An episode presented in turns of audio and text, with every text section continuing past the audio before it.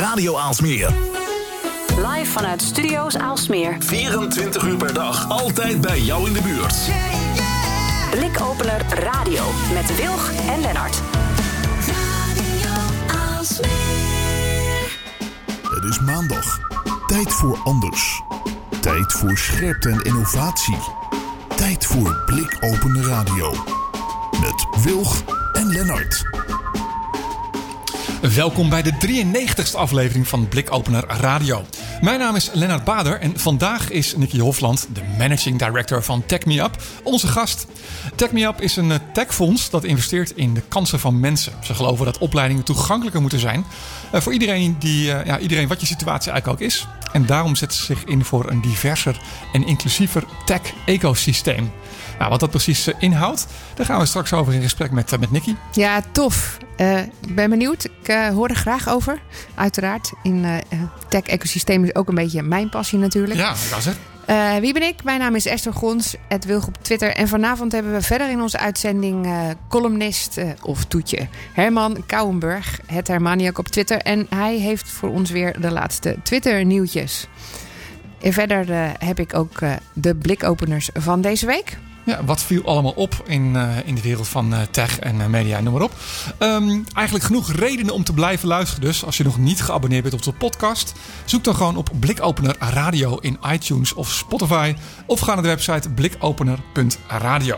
En als je suggesties hebt voor leuke gasten, laat het ons weten. Een mailtje naar post.blikopener.radio. Ja, maar vanavond dus in de uitzending Nikki Hofland. Nikki, goedenavond. Goedenavond. Leuk, dank jullie wel voor de uitnodiging. Ja, maar ik uh, hoorde iets over Tech Me Up en dacht ik, nou ja, daar moeten we gewoon meer van weten. ja. Uh, nou ja, dat is mooi. Dan, uh, dan schreeuwen we in ieder geval hard genoeg. Ja.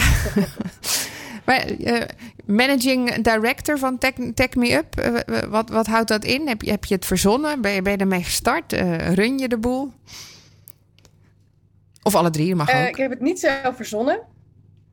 nee, I wish. Nee, uh, ik heb het niet zelf verzonnen. Het is uh, ontstaan vanuit uh, zes verschillende techopleidingen. Die een soort van gemeenschappelijk probleem zagen in de schoolbanken. Die zagen dat hun schoolbanken um, er anders uitzagen dan de gemiddelde samenleving, laat ik het zo zeggen. En daar irriteerden ze zich aan. En toen ben ik in maart erbij gekomen, afgelopen, afgelopen maart. En toen ben ik alle mensen gaan bellen die zich hadden aangemeld voor de opleiding, maar zich voortijdig hadden uh, afgemeld. En uh, nou, dat was een heel interessant moment, want die hadden eigenlijk allemaal hetzelfde verhaal. Namelijk dat ze het financieel uh, uiteindelijk toch niet trokken om die zes maanden of drie maanden opleiding te doen. En dan allemaal verschillende verhalen. De een die vertelde dat zijn uitkering stop zou worden gezet op het moment dat hij uh, een opleiding zou gaan doen door, de, door de gemeente. De ander die zei dat ze alleenstaand moeder was en dat ze dan kinderopvang nodig had. Dus dat ze dan ineens veel meer kosten zou gaan hebben. De ander zei dat hij freelancer was. En ja, nou ja, dus heel veel verschillende verhalen, gemeenschappelijke deler niet kunnen betalen. En toen dachten wij, nou ja, daar moet toch wel wat op te bedenken zijn. Tech, hè? Ja, er, er, is best wel geld. Dus geld mag nooit een reden zijn dat je geen opleiding kan doen. En we hebben een mega groot tekort. Dus 1 en 1 is 2. En um, nou, zo is het begonnen in ieder geval. En jij zei van, uh, wat is jouw rol daar, daarin dan? Ik ben aangehaakt sinds maart. Dus er, er was een, uh, een onderbuikgevoel vanuit die opleidingen. En ik ben er toen bij gehaald om, uh, om die eerst te onderzoeken. en ik raakte toen eigenlijk zo verslaafd aan het onderwerp. En ik verbaasde me zo erg over dat dit kon. Dat ik eigenlijk met de maand enthousiaster werd. En... Um, we zijn nu een team van twee, dus we runnen het met z'n tweeën, Steven en ik. Ja, dat is mijn rol eigenlijk. en wat, wat, is je, wat is je achtergrond zelf? Wat, wat, wat is jouw uh, verhaal? Wat is je opleiding? Mijn opleiding. Nou, ik, ik ben als dertienjarige ben ik begonnen met het bouwen van websites. Um, dat is ook een beetje de connectie met wat ik nu doe. Uh, mij is het namelijk wel altijd gelukt om te studeren. Mijn moeder die was alleenstaand was geen vader in het spel. En um, uh, ik, ik verkocht en, uh, en ringtones op mijn websites om uiteindelijk mijn studie te kunnen betalen. Dus ik, ja, mij is het goed gegaan vanwege tech. Um, dus daarom voelt het, voelt het ook ja, vertrouwd, zeg maar. Ik ben ehm, ja, dus op mijn dertiende begonnen met artiestengids.net en, en daarna artiestennieuws.nl.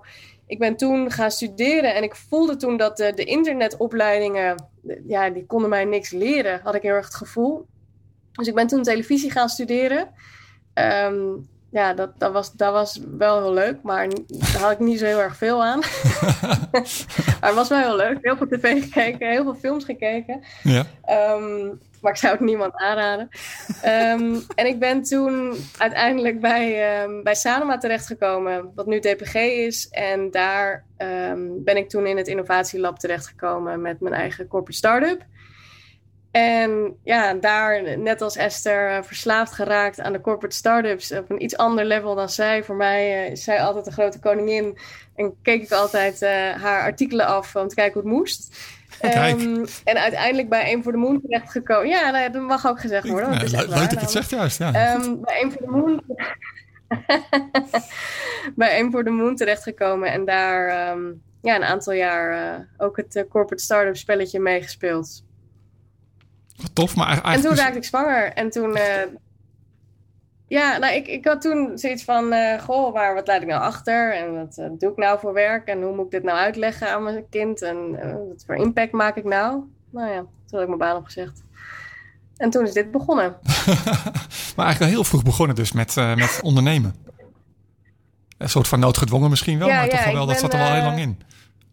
Ja, ja, mijn moeder heeft het altijd heel erg ondersteund. Ik, ik heb daar wel heel veel respect voor. Mijn moeder heeft wel altijd gezegd van, joh, weet je, ja, er is hier niks. Uh, er is hier ook niks te halen. Dus als je wat wil, dan zal je wat moeten bedenken. Uh, en als je wat bedenkt, ben ik er voor je. En ik zal je met alles helpen. Dus zij deed altijd de financiën en het management. En weet ik, als we weer klachten kregen of als we... Ik heb ook heel veel aanmaningen gehad, omdat ik dan foto's gebruikte van press agencies waarvan dat dan niet mocht. Maar dat wist ik veel, ik was 14. Ja. Um, mijn moeder stond wel altijd achter me, dus dat was echt wel heel tof. Ja, ja is eigenlijk al uh, heel vroeg ondernemer.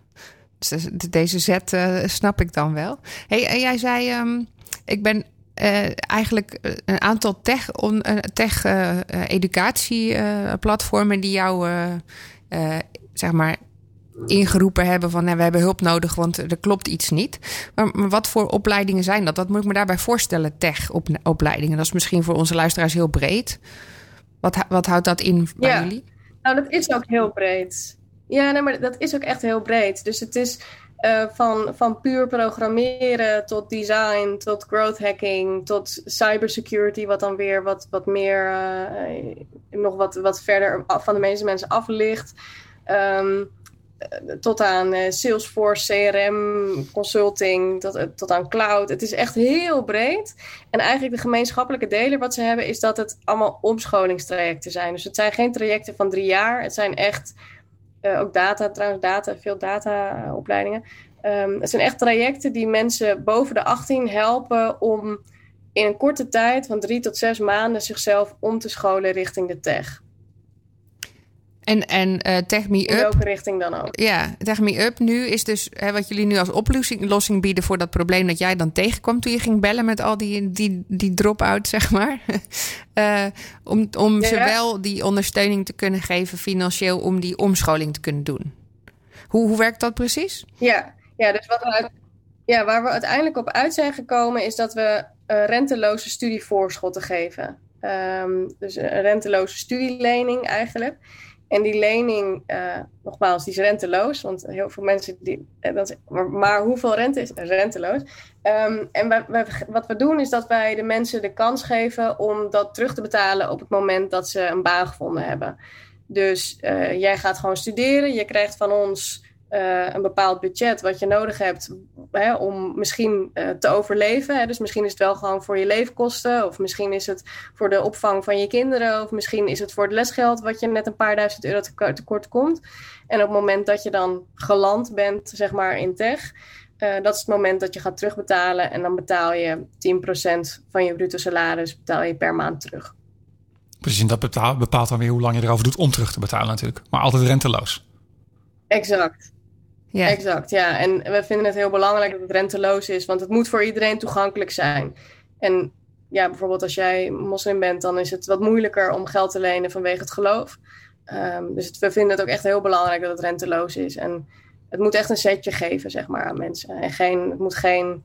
eh, eh, er hoeft geen, aan die kant hoeft geen verdienmodel te zitten of zo. We willen echt helpen. Ja, want het gaat natuurlijk om. Hè, dus, eh, nou ja, goed, je zei het al. Ik ben eigenlijk soort van ingezet door die, door die, eh, die, die educatieplatformen. Dus die vonden het nodig. Ehm, blijkbaar vinden, zijn er ook heel veel mensen die het heel graag willen om omgeschoold te worden in de technologie. Want dat, dat is, dat is eh, ik neem aan dat er, dat er mensen in die schoolbanken komen te zitten. Maar ik kan me ook zo voorstellen dat nou ja, dat het dan heel noodzakelijk is om ze ook ergens terecht te krijgen. Als het de bedoeling is dat ze weer terugbetalen als ze ergens terecht komen. Werken jullie ook samen met, met het bedrijfsleven? Voor baangarantie of zo bedoel je? Ja. Ja. Ja. Ja, baangarantie, eh, dat is altijd heel moeilijk. Eh, vooral nu in corona, want er is nul garantie op niks. Ehm, en vooral baangarantie is iets wat, ehm, eh, grappig dat je het zegt, er, er komt heel veel terug. Want wat we heel erg veel merken is dat ehm, bedrijven heel erg graag senior mensen aannemen van tien jaar ervaring, misschien ergens op een zolder hebben gezeten tijdens het coderen en het helemaal zelf hebben aangeleerd en dan mega, mega, mega goede developer voor een paar duizend euro per maand. Uh, liefst ook nog in dienst natuurlijk. Ja, Die een er gewoon, developer met eh, minimaal 15 jaar ervaring voor eh, heel weinig geld. Ja. Ja. Exact. die zijn heel schaars. Ja, exact. Nou ja, dat, dat weet jij als geen ander. Dat, dat, die, dat die heel veel gezocht worden. En ehm, kijk, wij geven geen baangarantie. We, we zeggen wel, er, er is op dit moment een heel groot tekort in de markt. Dus de, de goeie die zullen echt wel, eh, echt wel een plekje vinden. Ehm, we, hel- we helpen ze in elk, elke manier dat we kunnen. Dus we hebben bijvoorbeeld een, eh, een nieuwsbrief online staan. Als je daarop wil abonneren, ga naar onze website en klik dan op partners. Ehm, en die nieuwsbrief, daarin, daarin doen al onze eh, studenten zich voorstellen. Ah, Eh, dus die zeggen, nou, ik ben dit en ik heb hiervoor, heb ik, ben, was ik een jazzgitarist en nu eh, ben ik front-end developer en ehm, ik ben op zoek naar een creatief bedrijf om mijn- kennis verder te ontwikkelen. En daar kunnen de, de bedrijven ze vinden. Ehm, ja, dus dat is, dat is een beetje wat we doen. We proberen te koppelen, maar in, in de praktijk is het, eh, gaat niet makkelijk. Nee, want dat kan ik me ook Dus, eh, voorstellen. ongeveer Want de ik kan, helft van de mensen die Ik kan me ook voorstellen dat bijvoorbeeld bij die grote bedrijven, jij zei al, ze willen natuurlijk, ze willen eigenlijk het liefst heel senior mensen. Kan natuurlijk ook mee te maken hebben dat ze eh, niet zo heel erg van risico's houden. en ik kan me ook voorstellen dat bijvoorbeeld een omscholingstraject, dat, dat dan al niet vier jaar duurt, maar, maar maar een half jaar, misschien risicovoller klinkt Ja. dan eh, een opleiding van, van vier jaar, waar dan nog wat stage bij zit. Ehm, merk, merken jullie daar wat mee? Doen jullie daar wat mee? Of? Nou, en de grap is, dan is het dus iemand die van zo'n gek opleidingstraject komt. Terwijl ehm, eh, de reden dat heel veel van die opleidingen vier jaar duren is omdat je ook Engels en burgerschap en zo erbij krijgt. Ja, ain't nobody got time for that als je 25 bent en je hebt eh, gas en licht. Ehm, maar kijk, als het dan ook nog eens een vrouw is, eh, die dan zes maanden is omgeschoold. En als het dan ook nog eens een Marokkaanse vrouw is met een hoofddoek, die zes maanden geleden is omgeschoold. En als het dan ook nog eens een vrouw is die hiervoor in de medische wereld zat, dan wordt het wel heel complex hoor. Ehm, dat, dat kan niet goed zijn, Een beetje, je? een beetje cynisch, maar Is, is dat de reactie dan? Van dat kan niks Nee, wezen? Of eh, gechargeerd, cynisch. hè, natuurlijk. Maar Nou, ik kan wel op Nee, voorstellen dat, dat er gewoon- vooroordelen dan zich stapelen, zeg Ja. maar. Snap je? Ja, en het is. Kijk, het is, we doen nu natuurlijk heel erg cynisch, maar het is, het is, wel, het is wel complex. En ehm, ik denk dat daar ook wel echt een, een, een, verantwoordelijkheid zit voor die bedrijven. Ehm, die, die, eigenlijk die bedrijven die het hardst roepen om diversiteit en inclusiviteit, hè, die het allemaal als checkmark in hun boeken hebben staan. Ehm, om dan ook mensen aan te nemen die misschien een iets bijzonderder profiel hebben dan eh, dat waar zij normaliter naar zoeken. Eh, want deze mensen hebben een aantal jaar werkervaring. En als jij twee kinderen hebt en jij zegt je baan op en je gaat een omscholingstraject doen en je gaat daar geld voor lenen om dat omscholings... Nou, gemotiveerder kan je ze niet hebben hoor. ik wou zeggen, motivatie Ik zou, is ik het zou probleem alleen niet. daarop iemand al aannemen. Ja. Ja, zeker niet. Nee. En, en het kan ook niet lukken, want je, je, je zet alles op het spel. Dus het is, het is een heel bijzonder type mens wat wij voorbij zien komen. is, je, zie je daar een patroon in? Want ik kan me zo voorstellen, hè, je, ik, je zei al net, een vrouw uit de, uit de, de medische zorg bijvoorbeeld.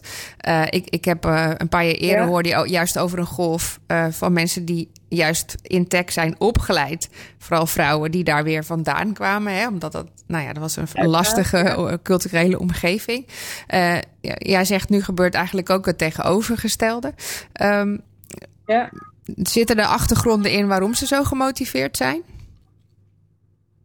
Nou, wat je, wat je heel erg ziet, tenminste wat, wat ik heel erg zie in, in de gesprekken die ik heb met de studenten tijdens het aanmelden, is dat ze zeggen dat ze um, niet altijd gesupport werden door familie op het moment dat ze de keuze moesten maken als, als jonge vrouw. We hebben het nu puur over vrouwen. Hè? Uh-huh. Uh, als jonge vrouw, uh, wat, wat, wat ga je dan doen? Er was een dame die zei: You either become a doctor, a lawyer or a failure. Nou ja, dat is gewoon in heel veel gezinnen, is dat nog steeds hoe het is. Um, dus op het moment dat jouw familie niet snapt waarom jij in hemelsnaam de tech in zou moeten, dan, dan zijn er mensen die daardoor die kant niet op gaan. En je ziet gewoon dat mensen vervolgens een kant op gaan en daar in, in contact komen met, met techteams en daar heel erg enthousiast van raken. En denk, jeetje, het is eigenlijk is het echt best wel groot en je kan heel veel dingen doen. En goh, het, het wiskunde level valt eigenlijk wel mee. Ik kan dit waarschijnlijk ook wel, hè, want dat is ook een van die grote mythes, dat je echt een ontzettende nerd moet zijn om uh, in de tech te kunnen werken. Um, en op, op dat moment, dat is zo'n moment dat ze zich dan gaan, gaan oriënteren van wat is er allemaal. En um, ja, dan komen ze vaak bij ons terecht. En qua achtergronden, wij zien echt alles. Van nou ja, de jazzmuzikant die ik net uh, benoemde, die is ook echt, dat is een echte, echte jongen, echte meneer. Um, een dame die vertaler is van Poolse taal, uh, taxichauffeur, uh, echt van alles. Ik, alles wat je kunt bedenken, die, die, die zie ik in de aanmeldingen voorbij komen. Ik zie nog niet echt patronen. Nee, nee. ik heb geen. Maar wel hartstikke nodig. Wel dus heel veel. Me up. Ja, heel veel freelancers, ook uit die audiovisuele uh, hoek. Heel veel. En horeca. Maar ja, die zijn nu binnenkort weer nodig. Maar ja, heel veel mensen uit de horeca. En, oh, maar, dat, maar dat is dus eigenlijk... En, in, soort... en festival. Ik was zeg maar, dat is eigenlijk een soort nasleep uh, van, van uh, nasleep, misschien niet eens, maar gewoon effect van corona. Dat een heleboel mensen zich moesten omscholen. Dat er dus inderdaad geen festivals meer waren, uh, geen horeca nodig was, personeel nodig was. Et cetera. Dat, daar zie je dus ook een enorme toename in. Of ja, dat is een groot onderdeel van de mensen. Taxichauffeur, veel, ja. ja. echt veel, veel freelancers. Omdat freelancers, gewoon niet elke freelancer kreeg hulp, hè? Nee. Want dat denken wij, dat, dat iedereen maar hulp kreeg. Maar bijvoorbeeld de jazzmuzikant waar ik het net over had, die heeft één keer 4000 euro gehad. Dat is in een jaar, hè? De rest ja, heeft hij helemaal niks gehad. Dat ga je niet redden, nee. Nou, gelukkig waren wij daar en hebben wij... Ja, de, een jaar later heeft hij zijn eerste, zijn eerste salaris gekregen.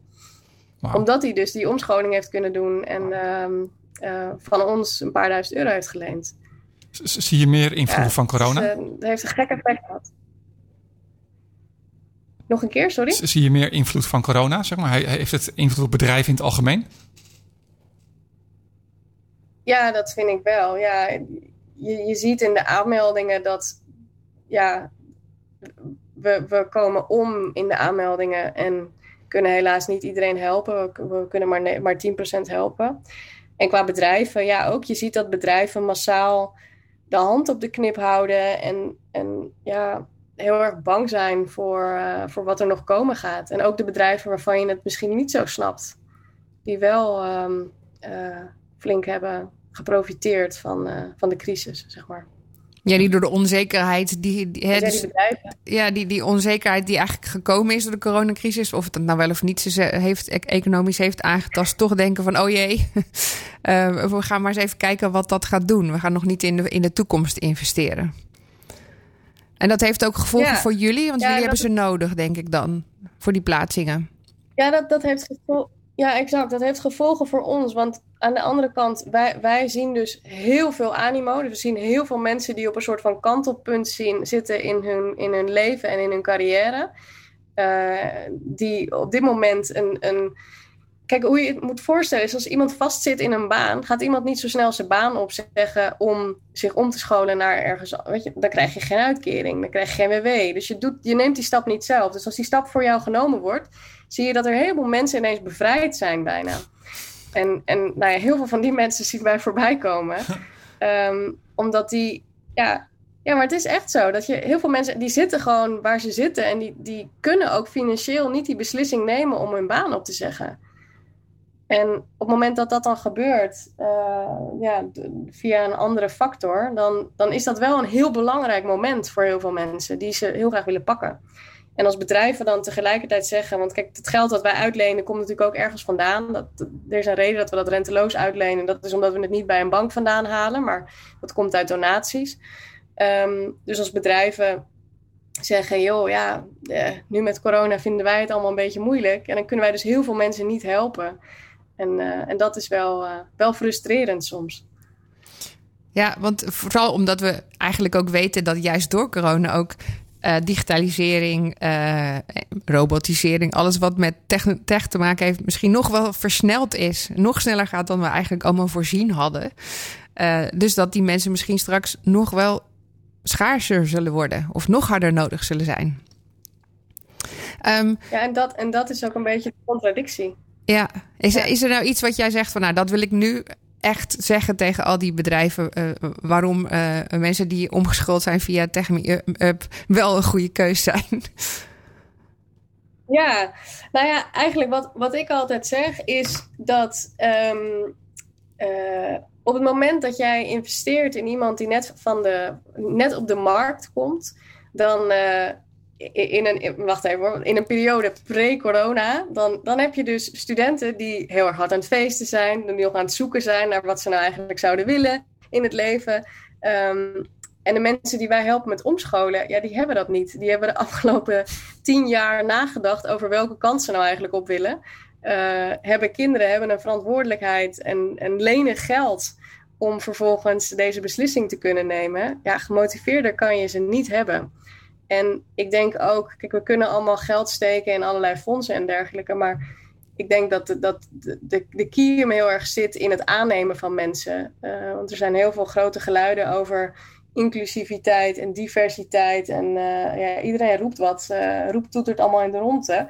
Maar ga nou eens gewoon mensen aannemen en zorg er nou maar eens voor dat vrouwen zichzelf herkennen op het moment dat ze de markt opkomen in andere vrouwen door ze aan te nemen in plaats van door allerlei CSR-vinkjes te halen. Um, dus ik zou gewoon überhaupt willen zeggen tegen mensen dat ze juist spannende mensen moeten aannemen. Dus een van onze tagline is ook investeer anders, investeer in een ander. En je zei net ook dat, dat uh, ja. um, je zei net ook dat jullie uh, niet iedereen kunnen helpen, dat je maar een heel klein percentage kan helpen eigenlijk. Maar betekent dat dat um, omdat je weinig mensen kunt helpen, dat jullie um, criteria zeg maar, ook steeds strenger worden daarin? Of hoe, hoe gaat dat? Hoe bepaal je of iemand in aanmerking komt? Ja, allereerst, dat is echt heel erg hartzeer. Het is echt, ja. echt verschrikkelijk. Ik ben daar helemaal geen goed persoon voor om, om mensen af te wijzen die hartstikke goed zijn en die net hun hele financiële hebben en houden en, en rotverhaal aan je vertellen. En dat je dan zegt, ja, we hebben deze week maar één plek. Sorry, er was iemand anders die het verhaal was nog kutter dan jou. Dus uh, ik kan je helaas niet helpen. Um, ja, dat is gewoon heel vervelend. Dat allereerst. Um, en verder, kijk, als je uh, kijkt naar ons proces, dan zijn er drie stappen. In, het eerste sta in de eerste stap halen we eigenlijk een, een, een groep eruit um, van onder de 18, want die kunnen niet lenen. Mensen zonder uh, verblijfsvergunning, want ja, we, we, we, investeren in human capital in Nederland, dus we willen wel graag dat mensen hier blijven. Um, en mensen met hele heftige schulden op dit moment, want ja, we willen ook niet dat iemand er moeilijker uitkomt dan uh, dat hij erin gaat. -huh. um, dus dat is een soort van de eerste stap. En de tweede stap werken we met punten. Dus we hebben een soort van puntensysteem waarbij we punten geven aan bepaalde um, uh, eigenschappen. Um, en bepaalde kenmerken. Dat zijn twintig verschillende punten die we verdelen. Uh, en zo komen er een aantal mensen bovendrijven en zakken er een aantal mensen naar beneden.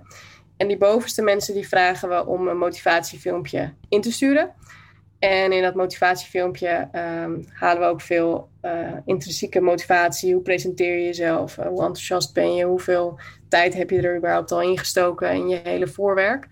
Um, en wat is je financiële verhaal? Um, hoe, hoe, is dat? En, en wat zijn je skills? Dus eigenlijk zijn er drie dingen uiteindelijk wat eruit komt. Intrinsieke motivatie, financial due diligence, dus je financiële verhaal. En um, wat, heb, heb je de skills om, om, om data-analyst te worden. Ben je, heb, je een analytisch, heb je goed analytisch vermogen of uh, kun je mhm. beter UX'er worden? Um, Geef jullie daar ook dus advies in dan? Als, als uh, mensen iets willen waarvan je zegt van nou, misschien is een andere opleiding handiger?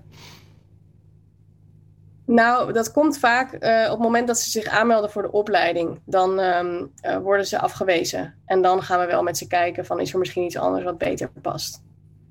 Maar dat is wel, um, zeg maar, om daar echt een rol in te spelen, dat is wel toekomstmuziek hoor.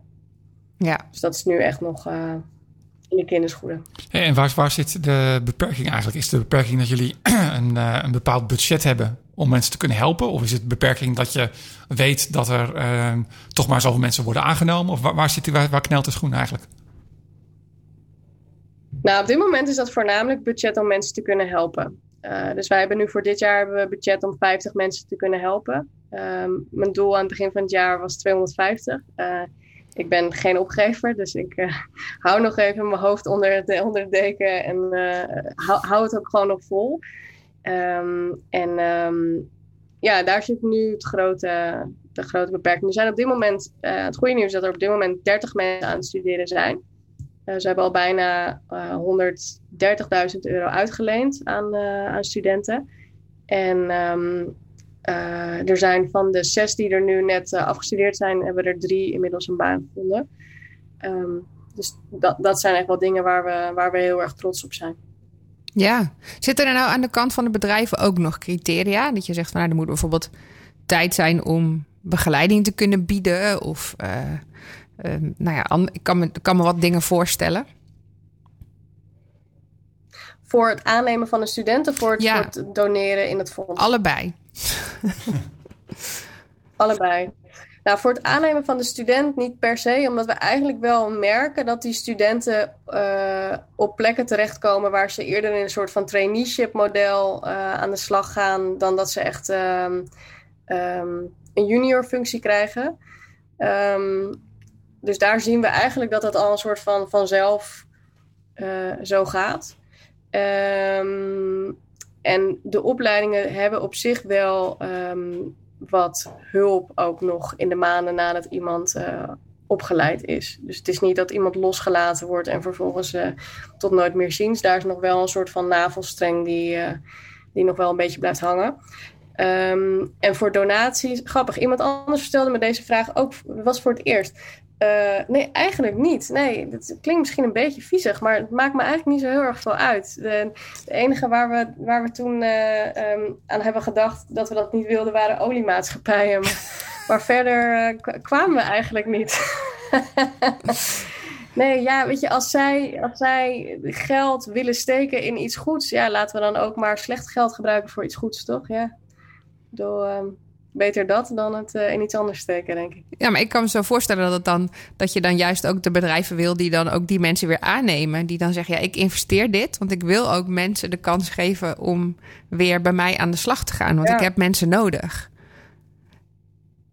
Maar dat, dat wil ik heel graag. Ja. Alleen op het moment dat het, dat, het, dat, het, dat het geld niet binnenstroomt, ja, dan heb je natuurlijk ook niet zo heel erg veel... Um, macht om te zeggen, ja, u wel en u niet. Uh, op dit moment, we zijn gewoon het fonds aan het vullen, want we hebben, ja, de, de poort, uh, die wordt omvergelopen. Dus we zijn gewoon aan het vullen. En als dat betekent dat mensen geld willen geven, maar uiteindelijk geen mensen willen aannemen, ja, zwaar hoor, daar, daar doe ik het ook voor. Dus wat we bijvoorbeeld ook wel hebben, um, we hebben ook wel tech-ondernemers bijvoorbeeld die doneren. Um, en die dan bijvoorbeeld een um, uitgekocht zijn of een cash-out hebben gehad of wat dan ook. Um, ja, Dat, dat vind ik ook prima. Ja, dat, om uh, terug te geven aan ja. het ecosysteem. Ja. Terug te geven. Ja, ja, exact. Ja, ja, ook echt met die reden. En daar zijn we heel blij mee, want da, da, daar doen we ook echt wat mee, zeg maar. En wat we ook altijd zeggen is Kijk, het is echt een verdubbelaar die je inzet. Want je helpt niet maar één student. Die student die betaalt terug en dan geven we het weer aan de volgende. En die betaalt het weer terug en dan geven we het weer aan de volgende. Dus als het goed is, kijk, het is natuurlijk een revolverend fonds. Dus als het goed is, kun je er de komende tien jaar um, met die paar euro iemand helpen. Mooi. Dat is heel mooi. Ik, ik, ik, ik wed dat er nu al bedrijven zijn van nou, dit, dit willen wij. Waar, waar kunnen die terecht om uh, te sponsoren uh, aan uh, Tech Me Up? techmeup.nl slash anders. Anders. Hm. Ook wel mooi, hè? Anders. Investeer anders. En, en iedereen die meer wil weten, die, uh, die kan gewoon bij uh, techmeup.nl terecht, uh, denk ik. Zeker, ja. ja. Dus als mensen zich willen aanmelden, ik hoop niet dat je nu gedemotiveerd bent omdat je weet dat er heel veel concurrentie is. Zeker niet. Uh, meld je gewoon aan. Um, en um, kijk, goede verhalen komen er altijd doorheen. Dus um, nee, meld je vooral aan via techmeer.nl. Tof. Uh, dankjewel voor je verhaal, uh, Nicky. Graag gedaan. Dankjewel voor de uitnodiging. Ja, ik wou zeggen als ze nog meer over jou wil weten, maar dat hebben we al allemaal gehad. Dat is mijn standaard vraag aan het eind. Dus daar struikelde ik even over. Dankjewel. Wat wil je nog weten? Helemaal goed. Veel succes met Tech Me Up. Dankjewel, Nicky. Dankjewel. Uh, wij gaan door met uh, de week van. Uh, Esther, wat viel afgelopen week op? Ja, een aantal dingen eigenlijk. maar de eerste was eigenlijk iets waar ik heel hard om moest lachen. um, want ik weet niet of jij nog wel eens op Twitter zit, maar het bestaat nog. En ik zit af en toe nog wel eens op Twitter. En daar kwam ik een tweet van Microsoft tegen. Oh.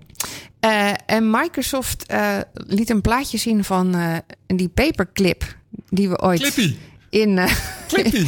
in, in onze Office pakketten hadden. Ken je hem nog? Clippy. Clippy. Ja. Nou, Clippy komt terug. Niet? Ja, er was een tweet van Microsoft die zei: If this gets 20k likes, we'll replace the paperclip emoji in Microsoft 365 with Clippy. En dat is dan een, een 3D mannetje. Het klinkt als een hele goedkope uh, clickbait stunt, dit. Ja. Doet een bedrijf als Microsoft dat? Serieus? Nou ja, uh, hij kreeg uiteraard iets van uh, 100, nou, 200, bijna 200k of zo. Hè, dus, dus je zou zeggen dat dat wordt hem. Ja. maar daar kwam een, een blogpost overheen van Microsoft.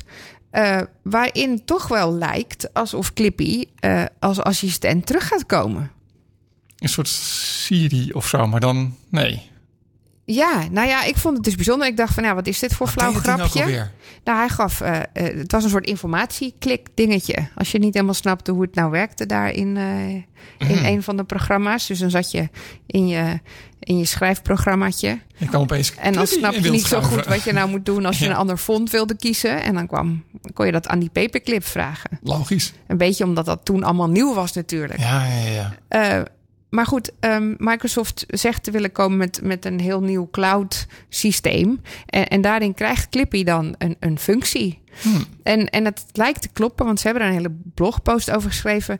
Uh, en ze hebben ook um, hun eigen set van emojis een soort van update gegeven. Hè? Dus emojis zijn iets wat is iets wat wereldwijd vaststaat. Die Ja, worden door een een comité voor. emoji consortium worden die bepaald. Hè? Of daar wel of niet een, een persik bij mag of niet. Weet Ja. je, dat soort dingen. Ja, Maar uh, uh, elk bedrijf, hè, dus, dus Apple heeft net iets andere uitvoering van diezelfde emojis dan bijvoorbeeld ander uh, design.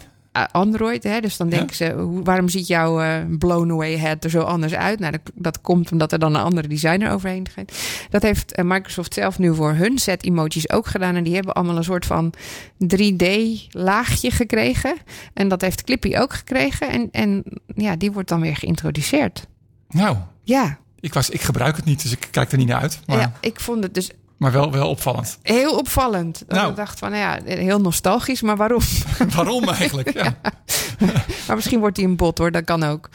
ja. Uh, ik weet niet of jij wel eens WhatsApp via je desktop gebruikt trouwens. Iedereen gebruikt Elke tegenwoordig uh, desktop. Nou, dan heb je wel eens het probleem dat die telefoon nog beneden lag uh, bij je lunch. Ja. en je dan even niet kan WhatsAppen. ja. Nou, dat is, het probleem is binnenkort opgelost. Oh, Uh, WhatsApp gaat ervoor zorgen dat je ook via je andere apps kan WhatsAppen zonder dat je telefoon in de buurt hoeft te zijn. Uh, want zij hebben zelf ook gemerkt dat mensen dat probleem hadden. Maar ook heel veel mensen die met lege telefoons rondlopen en dan toch nog oh. als enige connectie. Ja. Ja. want bellen, ja, dat lukt dan niet meer. Dat deed, Ah, je, ja. dat deed toch al niet meer. nee. Uh, nog die WhatsApp is. Uh, en zo proberen ze dat functioneler te maken. Want je moet dan, oh ja, je ook, ja, dan moet je ingelogd zijn natuurlijk via de, ja. Ja, dan moet je wel is ingelogd zijn, precies. maar je Ja. telefoon hoeft niet meer per se in Het is de niet dat je even naar een computer van iemand anders kan lopen en kan zeggen, nou, hier ga ik even mee bellen. Nee, volgens mij niet. Nee. Nee, maar wel dat je die optie houdt als je telefoon dood is. Ja? Ehm, ik vond het heel logisch, want ik denk ook dat er inmiddels best heel veel mensen bij WhatsApp al weglopen. Want ik zie zelf in mijn apps eh, van Telegram en Signal het aantal aanmeldingen elke dag eh, verdubbelen. Ieder-. Iedereen zwaait de hele dag maar dat ze aangemeld zijn. dus wellicht zit daar ook wat in. Maar dat is meer mijn eigen analyse. Ja, en volgens mij ook dat je ehm, op meerdere of op verschillende computers aangemeld kunt zijn voor WhatsApp. Desktop dan. Dat Ja, is dat maar ook zou- een nieuw ding, want dat, kan nu zou ook wel niet. handig zijn, ja. Ja. Ehm, en volgens mij is het de bedoeling dat, dat die rethink, zoals ze dat noemen, eh, dat die ervoor zorgt dat je dan over verschillende eh, apps, dus desktop, top, maar volgens mij ook, ehm, ze noemen het multi-device capabilities, Kijk. Die ze aan het uitrollen zijn. Ja. Heel slim. Ja. Eh, want die andere apps die veiliger zouden zijn, zoals eh, Signal en ehm, eh, Telegram, Ja. nou, die zitten nog steeds wel aan je telefoon vast. Maar daar zie je dus wel dat mensen dat lastig vinden dat het nog aan een telefoonnummer vast zit. Omdat het in heel veel van die kanalen, vooral in Telegram, ook anoniem gebruikt wordt. Hè. Dus zij willen heel graag anoniem blijven eigenlijk. En vinden het niet zo handig dat ze dan ook in de context staan van, eh, van andere mensen nog. Dus dat je naam eventueel tevoorschijn gaan- kan komen. Mhm. Dus je ziet al wel dat daar ook een soort van eh, trend is dat mensen dan proberen eh, nog andere accounts aan te maken op een andere manier, zonder je telefoonnummer of met een ander telefoonnummer. om maar anoniem te kunnen blijven. Ja. Nou, dat is, ja, snap ik. Ja, Maar- zeker in bepaalde communities op die, op die apps, op die messenger apps. Ehm, en eh, de communities waarin dat heel sterk is, zijn bijvoorbeeld de crypto communities. Ah, ja. Waar gaan we heen? Nou, Ja. nou ja, ik zag Ja. laatst ook wel een berichtje eh, eh, in het nieuws verschijnen. Toen hadden we het net over gehad waarom ik denk dat, dat bijvoorbeeld de blockchain zo interessant zou kunnen zijn. Nou, dat heeft niet altijd met crypto te maken, maar als blockchain zelf. En daarna kwam er een bericht in het nieuws dat, nou ja, ik geloof 60% eh, van de cryptocurrencies op dit moment gebruikt wordt voor eh, criminele transacties. nou, het was in ieder geval een heel hoog percentage. Ik weet niet meer precies hoeveel procent, maar vrij hoog. ja. Ehm, terwijl dat, dat terwijl heel veel mensen dus zeggen van ja, dit is toch waar we heen gaan, waar we heen moeten. Maar dat dat een heel hoge eh, criminele transactie he- heeft. Ehm, ja, hoe werkt dat? Hoe zit dat? Het is namelijk wel heel transparant. Dus mensen proberen anoniem te blijven. En dat zie je dus ook in die crypto communities. Maar het is juist super transparant. Dus als er een, een transactie is die misgaat of eh, die niet heel erg klopt, of waarvan mensen zeggen die hangt vast aan een criminele activiteit, dan kan je die transactie ook terugvoeren helemaal tot aan het adres van de wallet. Ja. Dus eigenlijk is het heel, juist helemaal niet eh, handig voor eh, criminele transacties. Dus dat Nee. vind ik juist zo bijzonder. Omdat het zo transparant is, is het ook heel zichtbaar. Ik vind het Eh, ook zo, zo frappant altijd dat zeg maar de, het- de belangrijkste reden tussen aanleidingstekens is natuurlijk dat, het, ehm, dat er geen toezichthouder op is. Ja, ja. Maar dan zijn er. ehm, ehm, die koers is natuurlijk heel, eh, flexi- hè, heel fluctueert wel enorm. Hè, als bijvoorbeeld een Elon Musk eh, zeg maar iets doet, worden heel veel mensen boos. Want ja, je beïnvloedt de koers, dat mag niet. Weet je, maar er is dus geen toezichthouder. Dus dat is precies wat Maar dat het is. dus is lekker tegenstrijdig altijd. Ja, maar het grappige is dat er dus wel heel veel communities zijn inmiddels. Net als vroeger in de techwereld. Dat je dus misschien nog steeds wel op, op, op Git dat er heel veel communities zijn. Ja. Eh, net als bij, rond open source, waar we het over hadden in een vorige uitzending. Die zelf die toezicht houden. Hè? Dus, dus de, de oprichter die. die, die eh, eh, eh, Ethereum. ja, Oh, de, niet. de oprichter van de, blockchain aan zich, Ja. die, zegt, die gelooft ook in dat concept van er zijn meer mensen goed dan slecht. Mhm. En als er heel veel mensen het controleren, dan houden we het goed aan onze kant, zeg maar. Ja. En dat zie je dus ook in die crypto groepen gebeuren. Er zijn dus ook mensen die gewoon eh, transacties, eh, transacties waarvan ze denken die waren dus eh, verkeerd, bad actors, Mhm. eh, om te, die gaan opsporen waar leidt dat naartoe. Zijn dat bijvoorbeeld wallets die vaker verkeerde dingen deden? En, Mm. en kunnen we er als community tegen optreden? Zo digitaal recherchewerk bijna. Nou ja, het- ja, ja. en dat en vind ik het dus- transparant is, kun je dat ook doen. kun je dat ook doen. Dat Ah, vind ik ja. dus het mooie eraan. Want jij kunt natuurlijk zien zeg maar, of een bepaalde wallet eerder gebruikt is in andere transacties. Ja, Want dat is heel transparant. dat is heel Je kan transparant. niet zien van wie die is, maar je kan wel zien waar het aan, uit, Waar het eh, aan- ja. aan uitgegeven is of Ja. waar ermee ge- eh, betaald is. Ja, dat klopt. Huh.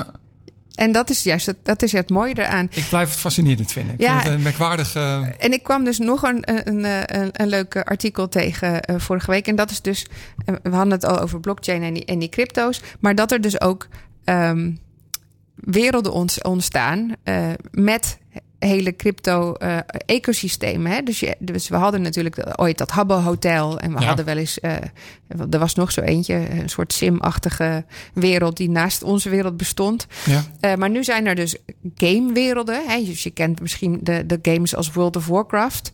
Daar, daar doe je al dingen waarmee je interacteert met anderen. Je koopt een hem- herberg, je verdient goud, eh, je maakt potions. eh, je helpt anderen om een level omhoog te komen. Je leert beter vliegen eh, op je draak. Nou, dat soort dingen. Logisch. Dat zijn hele ecosystemen. Ja. Als je die ecosystemen nou op de blockchain bouwt en daar tokens in uitgeeft, crypto-tokens, Ja. die ook daadwerkelijk een ge- iets gegronds hebben in die, in die blockchain. Dus daar, daar heb je dus ook van tevoren gezegd van, nou ja, zoveel komt er tot. eh, komt er ter beschikking in deze wereld en zoveel wordt er uitgegeven zodat we inflatie kunnen tegengaan. Dan kun je dus met de blockchain een, een echte crypto eh, ehm, economie opstarten in zo'n game. Dus dan ineens kun je zo in zo'n game gaan vliegen op je draak, andere mensen beter maken, eh, maar ook een herberg kopen. En als die herberg goed gaat en mensen betalen je daarvoor een overnachting, want je moet toch echt overnachten in die game, dan kan je dus ook een hele chain oprichten. En als die chain heel goed gaat, dan kunnen andere mensen dus ook zeggen: Ik wil franchisen van die chain, want dan heb ik jouw naam. En dat laatste, dat gebeurt dus echt binnen, binnen eh, die crypto games die nu aan het ontstaan zijn. Serious? En zo kunnen mensen dus daadwerkelijk Inkomen maken. inkomen maken.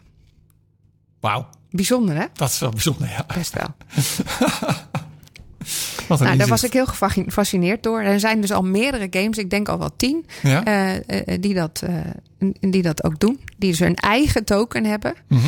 Ehm, en hun game op de blockchain bouwen om die economie eh, echt te maken. Zodat je het geld dat je erin stopt er ook weer uit kan halen. Niet dat je habbo-meubeltjes gejat worden uit je kamer. Nee, nou ja, en, en nu wordt het natuurlijk ook wel veranderd. Want je kan bijvoorbeeld dat goud dat je eh, in ehm, je World of Warcraft game hebt zitten en opgebouwd hebt, kun je ook al verkopen aan anderen. Eh, En je kan bijvoorbeeld ook al die outfit die je daarmee gespaard hebt, verkopen aan anderen. Of je kan, er zijn al mensen die betalen om jou, om je, om je, je karakter hoger te maken in het aantal punten, in het aantal levels. Dat gebeurt al. Maar nu ontstaat er dus een hele transparante economie binnen het spel waarin dat kan gebeuren. Zodat je daar dus ook inkomen kan genereren. Dus eigenlijk, misschien, eigenlijk is dat meer de belofte van de blockchain.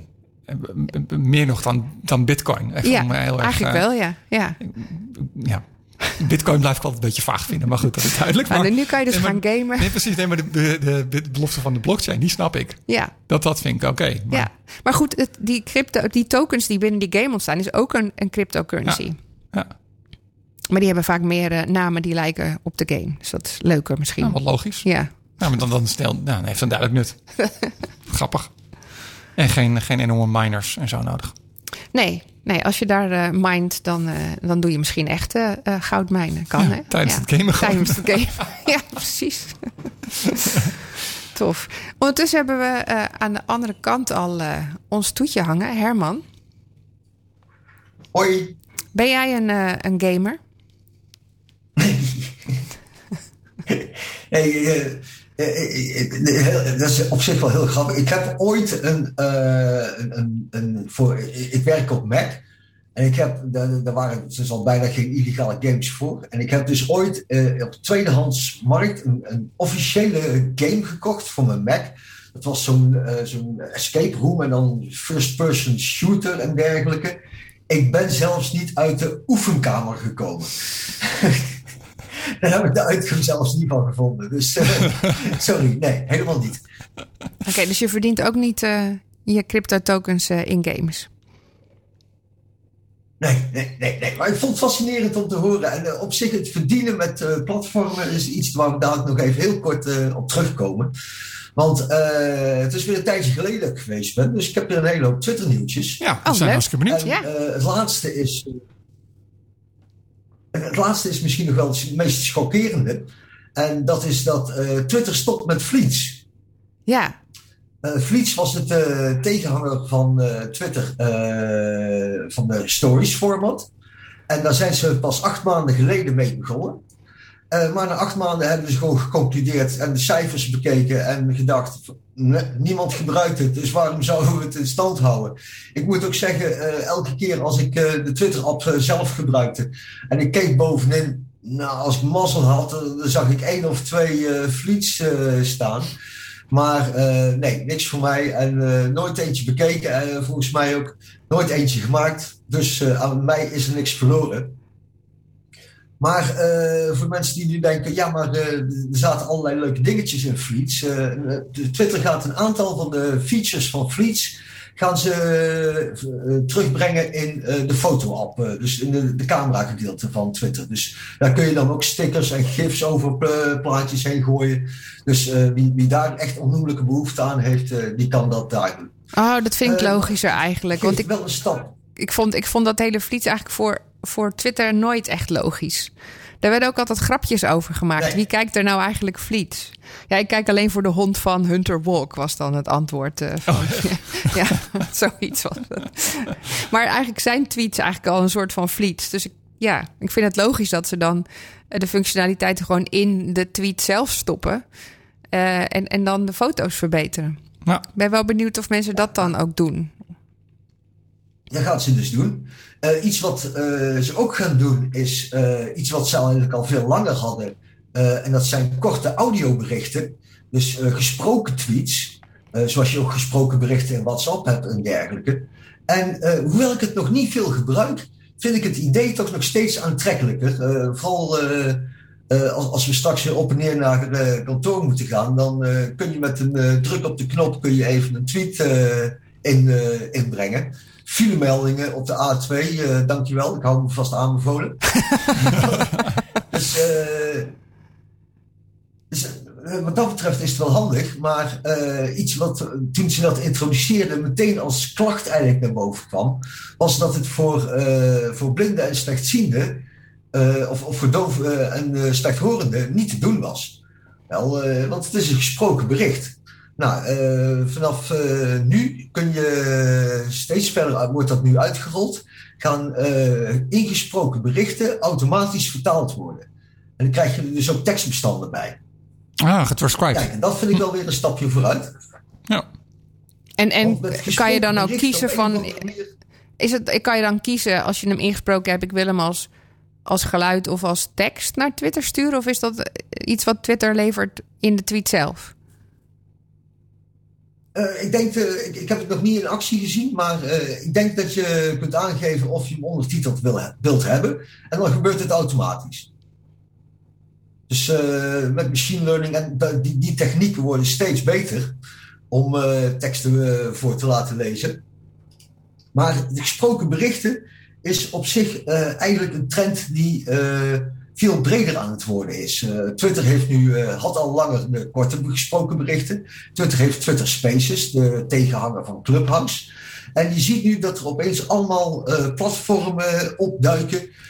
Beams, Quest, Pluto, Soundbites. zijn allemaal nieuwe apps die zich helemaal als social media platform rond het fenomeen gesproken tekst, al dan niet live, gaan richten. Ja, dat vind ik nog wel interessant. Want um, net als met Vliets vraag ik me ook af hoe het, hoe het gaat met, met, die, uh, met spaces. Uh, want bijvoorbeeld Clubhouse is wel iets wat, nou ja, waar je echt een soort van inzakking zit, ziet uh, na een aantal maanden en na het nou, eind van het ergste aan corona, zeg maar. Ja. dus mensen zijn een beetje de interesse, of misschien wel hun tijd verloren die ze daarin steken. Hoe, hoe zit dat met, met, met Twitter Spaces? Nou, ik, ik, denk dat Twitter Spaces uh, een beter platform is, omdat mensen daar al een netwerk opgebouwd hadden. Wat ik uh, bij Clubhouse vond, vond ik het toch wel heel, heel, heel erg veel mensen die graag over hun eigen business praten en hoe je daar geld mee kunt verdienen. En uh, het was de ene promotionele uiting naar de andere promotionele uiting, al dan niet met influencer die ook nog daar kosten voor vraagt. Wel, dus nee, ik was er niet weg van ik denk dat bij Twitter Spaces is uh, toch wel een uh, stukje serieuzer. En daar heb je al een eigen netwerk opgebouwd en weet je al waar mensen het over gaan hebben en dergelijke. Dus die aansluiting zou beter kunnen zijn. en ik denk dat in combinatie met die korte boodschappen, ik kan me zomaar voorstellen dat je een Twitter Space aankondigt via een audio-tweet. En op die manier ja, op een soort apart audionetwerk gaat, gaat ontwikkelen binnen, binnen Twitter. Komen die, komen die audio-tweets komen die ook in een aparte feed terecht, als het ware? Moet ik het zo zien? Dus zou je kunnen zeggen, ik wil nu even al mijn audio-tweets nee, beluisteren? Mij komt het allemaal gewoon in je eigen timeline. misschien dat er nog een visuele ondersteuning bij komt. Uh, in ieder geval, uh, die, die korte gesproken berichten, die hebben allemaal een eigen kleurtje en een soort playknopje. En een icoontje van degene die het bericht ingesproken heeft. Dus mensen die heel erg graag zichzelf zien, hebben weer een extra reden om berichten in te spreken. Dan staat een avatar er twee keer bij. Okay, maar ik kan me voorstellen dat jij net zei vanaf in de file, of, of was, in de auto zeg maar, dat ik de dingen kan luisteren. Dat is misschien wel een goed idee. Ja, ik ben wel benieuwd naar die ontwikkeling ik, van. Ik vroeger had ik een app die uh, tweets kon voorlezen. Mm Maar ik heb hem al heel lang niet meer gebruikt. En volgens mij wordt hij ook niet meer ondersteund onder iOS. Maar die werkte toen vrij goed. Maar ik ben wel benieuwd naar die ontwikkeling van, van voice ook. Um, vandaar dat ik het ook interessant vind hoe, hoe ze omgaan met spaces bijvoorbeeld. Want als fleets nou verdwijnen, dan, dus, dan zou je zeggen... dan verdwijnen die rondjes daarbovenin. Maar dat is wel waar spaces zit op dit moment. Gaan ze daar iets anders voor doen? Of weet je dat nee, niet? Nee, uh, als fleets verdwijnen, dan blijft alleen de audio... Uh, dan blijft alleen de uh, spaces visuele herkenning. Dus de fleets verdwijnen gewoon en Spaces en fleets lagen al over elkaar heen. Ja, dus, maar die blijven wel daar bovenin waar, nu, waar ze nu allebei zitten, ook in de navigatie van de app zitten. Ja, daar blijven ze gewoon zitten, ja. Dus ik weet niet of dat een voordeel is. Ik bedoel, ik, ik, denk dat je zeker die, dat voordeel Twitter. Je kunt via de aankondiging kun je een, een, tweet versturen. Dus je kunt mensen er al of van notificeren dat, uh, dat er een uitzending komt. Op een veel natuurlijkere manier als dat bij uh, Clubhouse het geval was. Uh, dus ik denk dat dat een voordeel zou kunnen zijn. Maar Twitter is niet, zeg maar, zijn visuele base verloren. Want ze gaan ook iets doen met de manier waarop je plaatjes getoond worden. En wel dat de marges die je nog boven en onder en voornamelijk links en rechts had, die gaan ze helemaal verwijderen. Dus je afbeeldingen komen voortaan uh, pagina breed komen ze in beeld. En de meningen erover zijn verdeeld. Er is nog een klein dingetje wat ik aan wil stippen. Want het ziet er naar uit dat Twitter eindelijk met een edit-functie komt. Jawel, de edit-knop voor Twitter. Da, daar was toch al heel lang uh, ja, nee, ja, nee over. En heel veel mensen tegen. Want dat was nou juist het mooie van zo'n van zo'n tweet. Het wordt een betaalde feature. Ah. Het wordt waarschijnlijk een betaalde feature binnen Twitter Blue. En, en, en Twitter Blue, uh, leg eens uit. Wat is dat precies?